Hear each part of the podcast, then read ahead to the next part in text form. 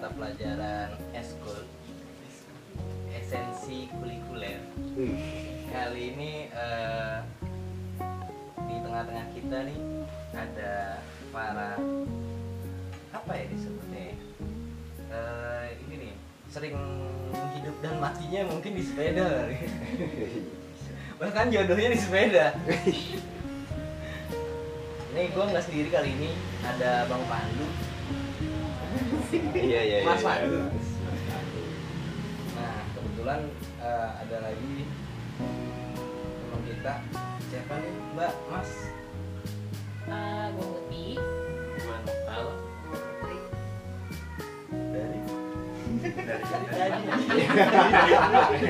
Dari kosan sih tadi Oke, siap. dari rumah Kosannya di mana? Eh, enggak ya? kita ngobrol-ngobrol santai aja ya Nah, ini awal mulanya bisa masuk ke dunia sepeda gimana nih? kecemplung bang enggak sih dulu karena sebenarnya eh, sepedaan tuh dari kecil terus sempet dulu cabornya MTB sebenarnya ya cuman karena eh, serius di MTB terus kecelakaan sempat vakum terus begitu kan downhill kan begitu selesai kecelakaan tuh kayak pas habis vakum duh tetap pengen main sepeda tapi yang nggak bahaya bahaya banget. Akhirnya oh lagi dulu lagi musimnya fix gear gitu tahun 2000 2009an kayaknya deh. Iya. iya 2009an terus mulai oh yaudah gue coba main fix gear gitu. Ternyata oh kirain cuman asik-asik aja ternyata bisa beneran diseriusin bisa sedikit berkarir. Cuan lah ya. Iya. Cuan Mbak Noval? Kalau gua sepedaan gara-gara dia. Oh, Oke. Ini gara-gara dia nih. Kena racun. Pembawa racun ya. Oh, Iya. kobra dia. Udah pandemi sebetulnya. Oke. cetakan mana nama Cetakan pandemi. Belakangan Hmm. Awal gua sepedaan itu naik MTB sih gua. Naik Diajak MTB dia ya. nih, diajak temen MTB-an di kota tapinya nah, Keliling-keliling jalan kota. Ibaratnya babi hutan turun ke kota lah ya? Iya. Hmm. terus diracungin sama dia nih "Lu fiksi mendingan. Ngapain nih fiksi kan mahal banget fiksi cuy waktu itu kan Iya, benar. sampai sekarang. Bro masih mahal lagi sampai turun. fiksi itu mahal mahal banget. Enggak gua nggak mau beli fiksi kan beli juga gua fiksi akhirnya sampai sekarang nggak Sampai bisa sekarang. Racun. Racun emang. Semua Eh. udah bilang putih kan. kalau Mbak Putri? Sama sih sebenarnya. Awalnya dibilang iseng enggak. Jadi bokap gue punya ada beberapa sepeda ditaruh di depan kamar gue. Jadi kalau buka pintu nih entah gue kena si pedal lah handlebar kesel juga kan kayak. Hmm, hmm. udahlah pakai aja nih sepeda. Awalnya iseng juga main-main main-main nongkrong di bengkel terus bangun MTV zamannya MTV dulu sih masih 2011 17 tuh. Cuman kalau MTV ya itu kan masih ke track nah gua kayak awalnya gitu sekalinya ada bapak-bapak bosan juga kan. Iya, iya. terus akhirnya coba sepeda lipat nih sepeda lipat sama temennya om-om tante juga kan. Hmm. akhirnya gua ketemu lah nih sama mereka. Oke. masih culun tuh waktu itu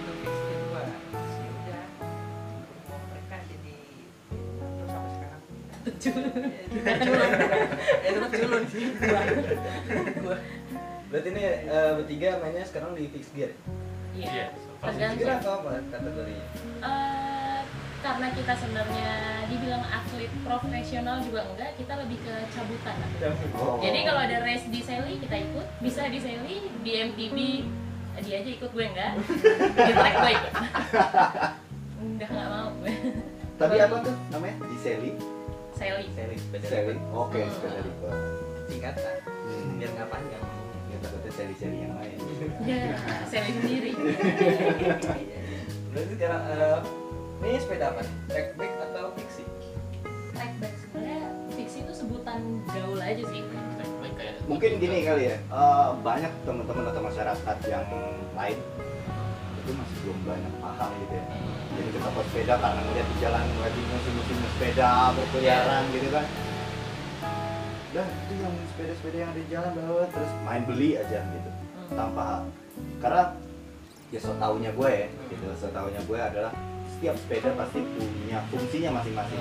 Seri untuk apa? Itu yang banyak orang salah kaprah Iya. gitu. Dan akhirnya kasihan si sepeda menurut gue sih gue kasihan sama sepeda yang akhirnya mangkrak. Gitu aja sekarat dan lain-lain. Intinya. Intinya adalah eh, untuk yang sedang kalian gelutin saat ini ini tuh jenis apa?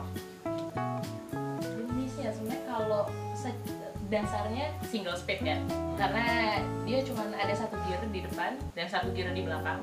Hmm, sebenarnya orang kalau ngelihat semua yang single speed pasti dibilangnya fix gear. Padahal belum tentu. Fix gear itu sebenarnya yang dibilang fix adalah gear belakangnya dia. Gear gear paten fix gear. Nah dari fix gear orang-orang bilang fixie fixie walaupun apa namanya kayak sebenarnya ada yang ini pakainya free wheel tapi karena dia kelihatan ringkes aja dibilang fix gear. Padahal nggak fix gearnya. Sebenarnya sebenarnya kalau mau bedainnya sih itu. Kan ada juga yang dibilang fix gear tapi ternyata pakainya dual track itu nggak fix kan? Dia free wheel jatuhnya cuman ngeremnya di kebelakangin gitu. Ah, oke. Nah itu sebenarnya nggak masuk kategori fix gear dia kategorinya single speed kalau bahasa dulu bisa disebut torpedo itu nggak sih? Rem torpedo Iya. itu nggak sih? Nah ya ada dua kan Oh. torpedo sama kalau ini yang disebut fix gear tuh yang pakai dual track pakai double trap ya. Iya. Door trap sama torpedo beda? Beda. Bedanya apa? Bedanya kalau dual track kayak gini lo eh, begitu goes lo pedalnya lo ke belakangin lo akan goes em, apa mundur jalannya. Tapi kalau torpedo lo cuma berhenti kan iya dan iya. kalau torpedo lo bisa coasting jadi pas lo goes kencang lo masih bisa. Pedal lo diem free wheel gitu dan tetap jalan tuh sepedanya. Dan tetap jalan. Tetap jalan. Kalau pakai ini diberhentiin kita berhenti. Nah itulah ngeremnya kayak gitu. Paham, Jadi sebenarnya ini sepeda bunuh diri sebenarnya. Harus orang-orang yang berani yang pakai. Oh, oke. iya, karena ngeremnya tuh agak-agak susah. tapi masuknya eh, di kategori ekstrim nggak sih kalau misalkan untuk olahraga enggak sih karena sebenarnya track bike itu kenapa namanya track bike karena dia harusnya ada di track velodrome cuman karena ya kan kalau di maksudnya di Indonesia sendiri nggak semua orang bisa masuk velodrome ya. Hmm. dan itu letaknya juga cuma ada satu dan jauh gitu kalau di Jakarta. Di Jakarta tuh di mana? Rawamangun Rawamangun Velodrome, iya. Jadi kayak ya orang banyak juga pakai apa track bike untuk commuting. Community Iya, cuman ya itu sih asal berani aja kan. Maksudnya bisa dipasang rem juga, tapi banyak juga yang ya udah kayak gini aja, tertarik tuh yang tadi bilang yang pakai track ke di jalan raya. Hmm. Sayang sama bannya kan? Karena kan mungkin bannya beda ya. Peruntukan di Iya. velodrome sama di jalan raya kan semuanya pasti makan si bannya. Bener. Jadi Ini kalau bedanya beda nggak ban buat di jalan sama di sebenarnya eh, dibilang beda kalau dari segi ukuran sih enggak. Cuman mungkin lebih di kalau di velodrome lebih baik pakai ban yang apa ada beberapa merek yang emang khusus didesain untuk di velodrome. Dan tekanan angin yang kita butuhin di velodrome tuh juga beda sama kalau di jalan biasa. Di velodrome kita harus tekanannya tuh bener-bener dimetokin kalau ban kayak gini itu 110 psi biasanya kita cuma 90 kalau buat daily. Karena kalau di aspal pakai 110 meledak panasan oh bisa meledak juga Iya. ya Ini kalau misalkan lo habis sepedahan lama, lo jemur di panas-panasan bisa tau-tau udah meledak. Karena dia semakin kecil bannya, semakin butuh tekanan tinggi PSI-nya. semakin kecil bannya semakin butuh tekanan tinggi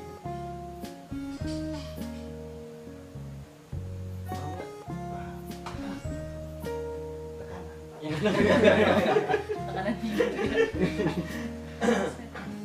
itu yang makanya jadi eh, yang membedakan dia untuk sepeda-sepeda lain dan penggunaan dan fungsi penempatan penggunaan si sepedanya ya Iya.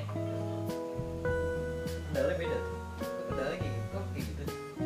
Iya, Ini apa pedal tuh clip. namanya tuh pedal clip. Jadi ini harus pakai namanya clip shoes. Jadi di sepatunya itu ada tapalnya dan tapalnya itu nanti kalau kita di atas sepeda itu kita masukin jadi kekunci di sini. Itu yang bisa bikin kita ngerem, nahan sih sebenarnya bukan ngerem. Jadi kalau kita tahan, ya udah dia nggak akan bisa, maksudnya kayak ya ban belakangnya otomatis berhenti. Kalau track bike udah pasti harus gitu. Iya. Udah pasti. Kalau di velodrome itu Kalau di velodrome ya. harus pakai clip. oke mungkin nih Nah, Nah, teman-teman ya, tuh. coba diterangin nih si sepatunya juga nih. sepatu anda tadi gue bilang kapalannya ini tuh harus kunci di sininya jadi kalau lo masukin fasilitas itu lo lo udah nggak bakal bisa ke mana-mana kaki lo kan nempel terus gitu kan.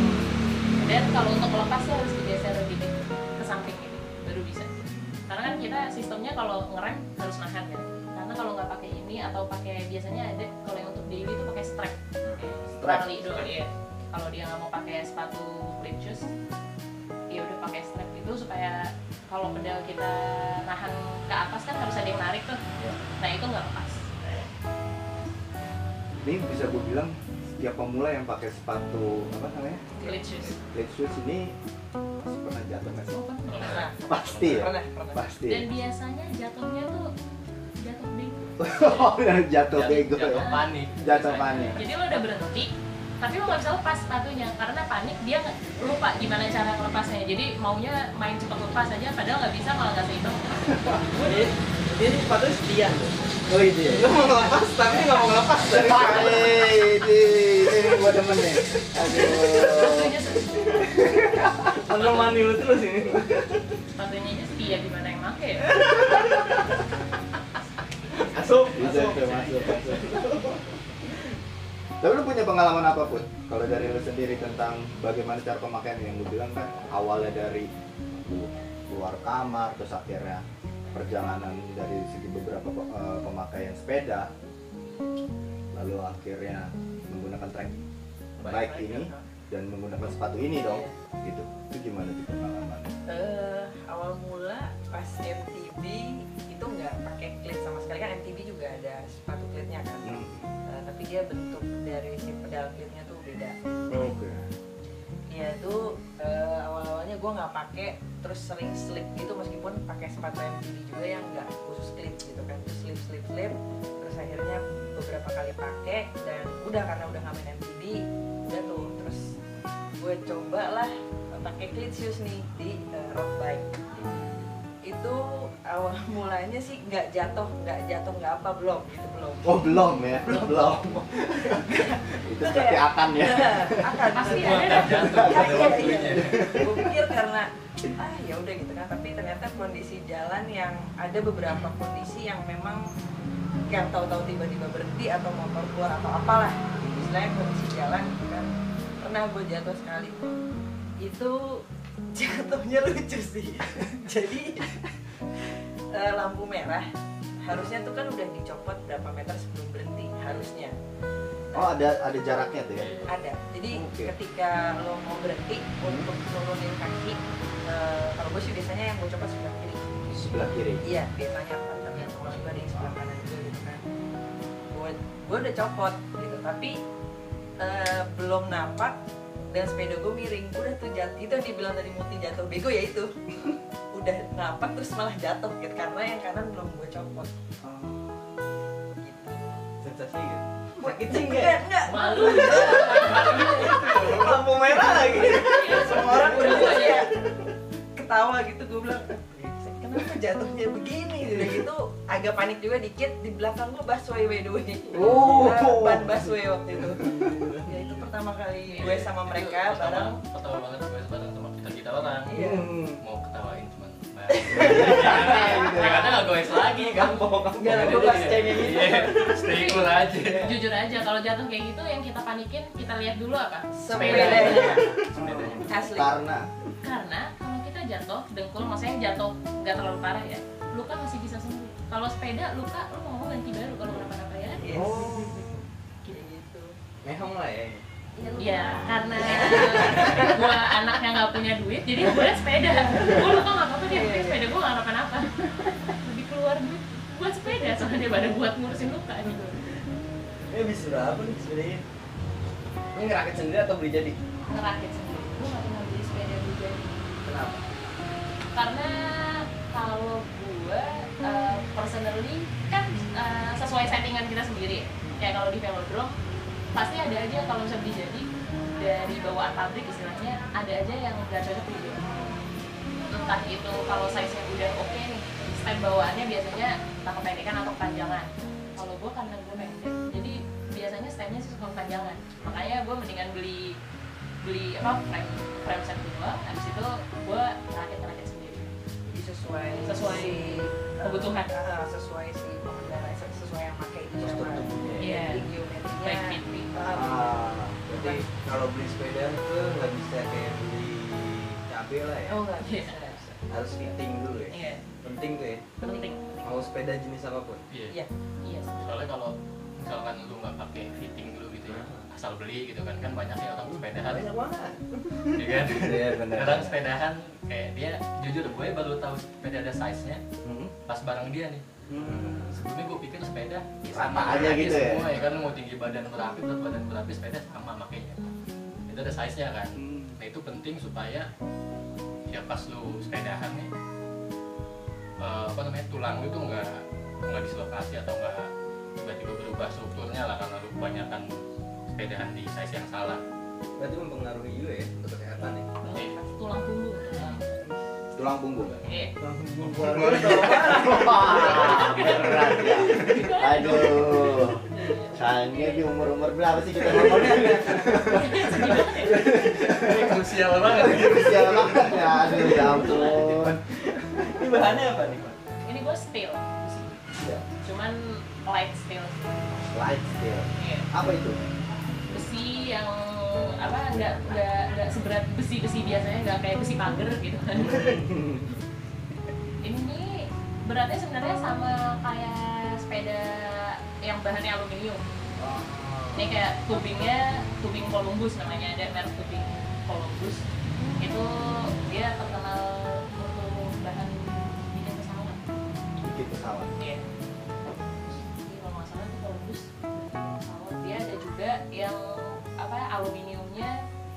Kalau yang aluminium tuh yang bahannya buat bikin kereta.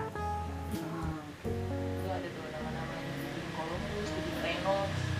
Berarti ini ya, kalau dari bahan si frame sendiri itu berbeda-beda ya. Iya. Nah, tadi kan sempat nyinggung tentang masalah kesehatan dan atau misalkan postur dan mempengaruhi tubuh ini lah. Karena eh, sepeda itu kan diperuntukkan juga untuk berolahraga selain transportasi. Dengan bahan yang berbeda-beda, itu ada pengaruh di badan gak sih? Pengaruh di badan sih sebenarnya yang ngerasain si eh, orangnya yang naik ya. Cuman kalau untuk sesuai cabang eh, istilah cabang olahraganya gitu ya kalau track bike terus sama road bike dia kan kadang di di di beda beda beda tracknya beda apa maksudnya beda bahan yang dia butuhin. Kayak kalau road bike tuh kenapa banyak yang karbon karena dia biasanya jarak jauh. Kalau endurance kan terus eh, supaya lebih aero gitu. Dan Ah. kalau turunan itu biar lebih itu sangat ngaruh sama kecepatan yang akan dihasilkan sebenarnya. Ngaruh dengan kecepatan. jadi powernya mereka yang mereka hasilin tuh sesuai sama bahan sepeda yang mereka pakai. Kalau nggak sesuai kayak misalnya sebelumnya gue gue tuh baru kali ini pakai eh, bahannya steel. Itu rigid banget sebelumnya gue pakai bahannya alloy aluminium.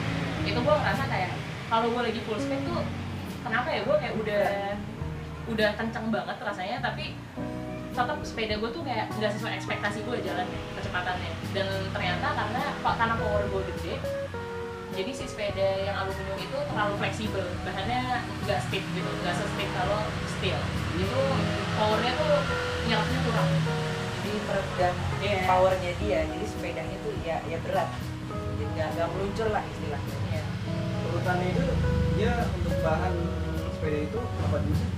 Kah paling tinggi atau gimana? Enggak, enggak, ada yang apa enggak ada yang paling tinggi paling rendah gitu enggak ada sih sesuai kebutuhan Iya. sama sesuai sih eh, yang pakai ini siapa yang orang yang postur badannya kayak gimana tergantung jenis sepedanya juga. Kalau road bike itu ada titanium.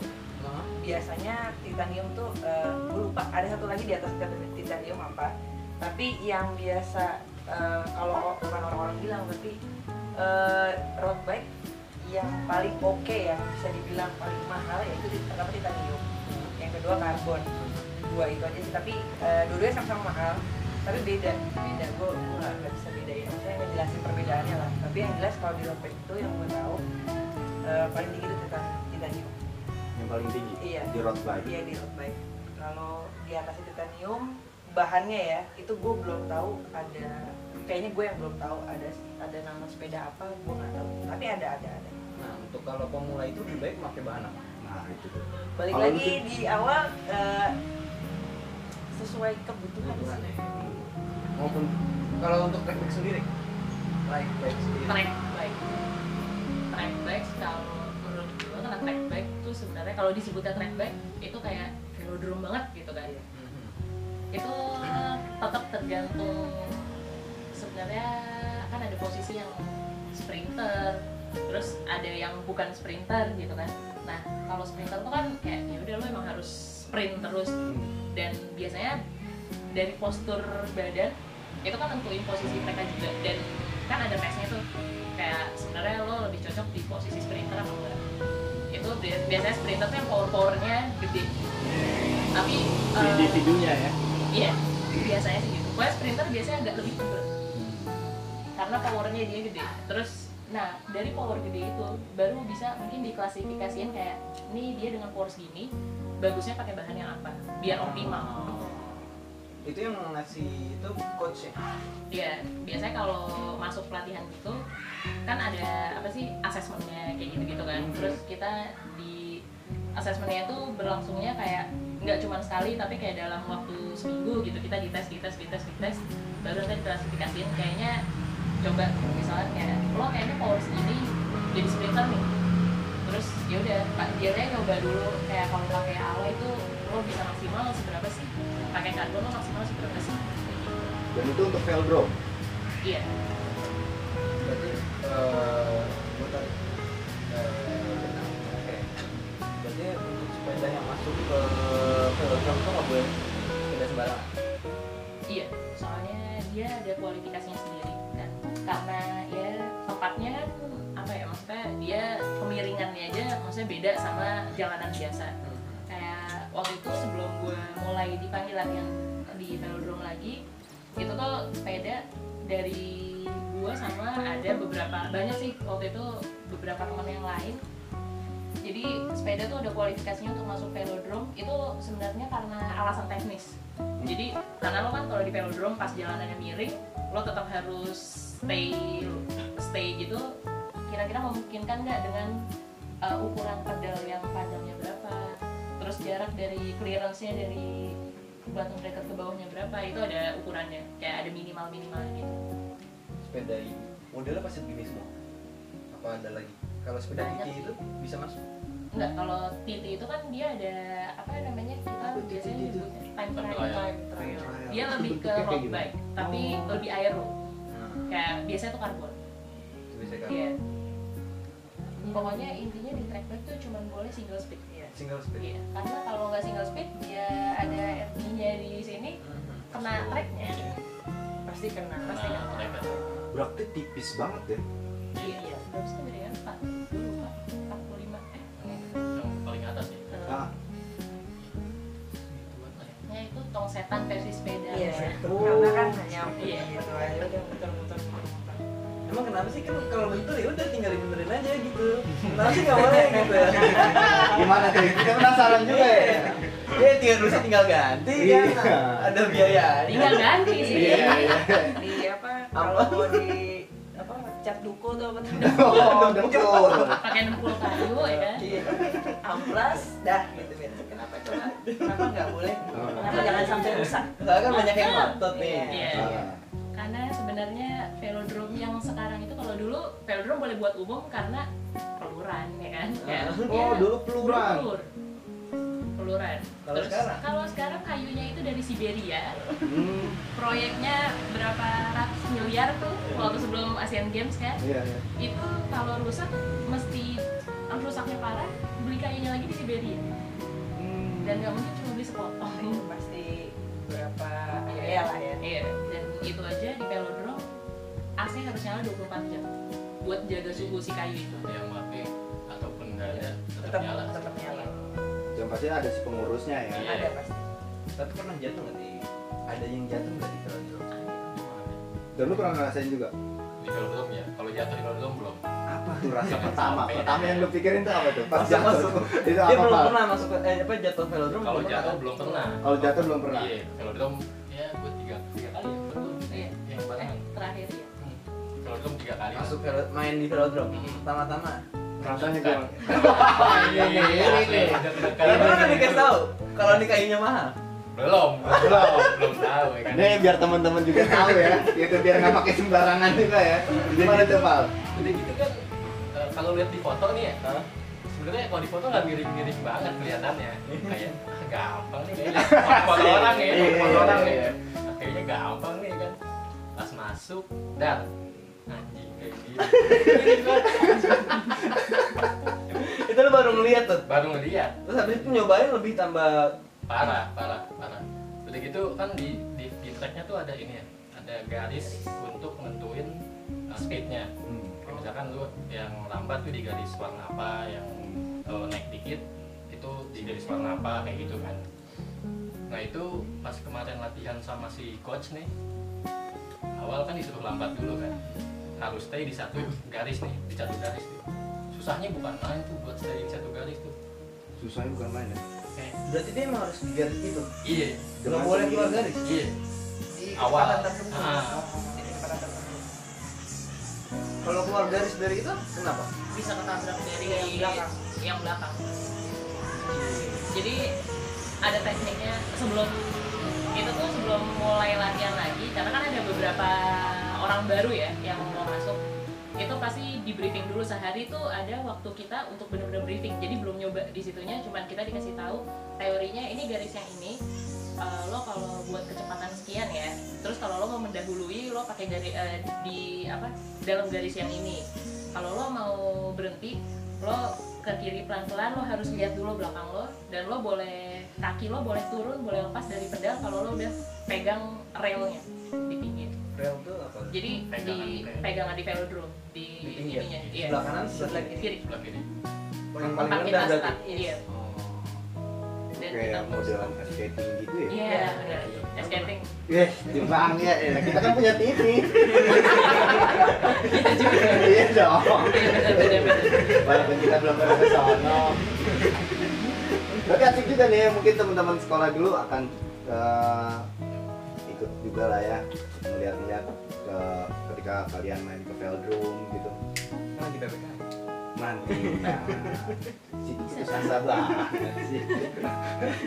Kalau ada yang mau masuk eh maksudnya gitu gue pengen anak gue atau gue sendiri nih yang masih masuk kategori umurnya mau pengen nih main di velodrome itu gimana tuh caranya? bisa bisa. Kebetulan terakhir eh, kita ada waktu itu ada meeting sama coachnya sama pengurus velodrome itu. Karena velodrome kan kayak selama ini citranya kan cuma buat atlet gitu kan. Terus dan sekarang animo masyarakat spe, apa bersepeda tuh makin banyak. Udah gitu eh, kemarin sih kayak coach dari pelatnas itu bilang kayak ya dan untuk apa sih mewadahi eh, anak-anak yang pada main fixed gear biar nggak maksudnya biar dia tahu sebenarnya tuh rulesnya kayak gimana dan biar nggak penasaran itu dia eh, velodrome itu bikin namanya Velocycling Academy.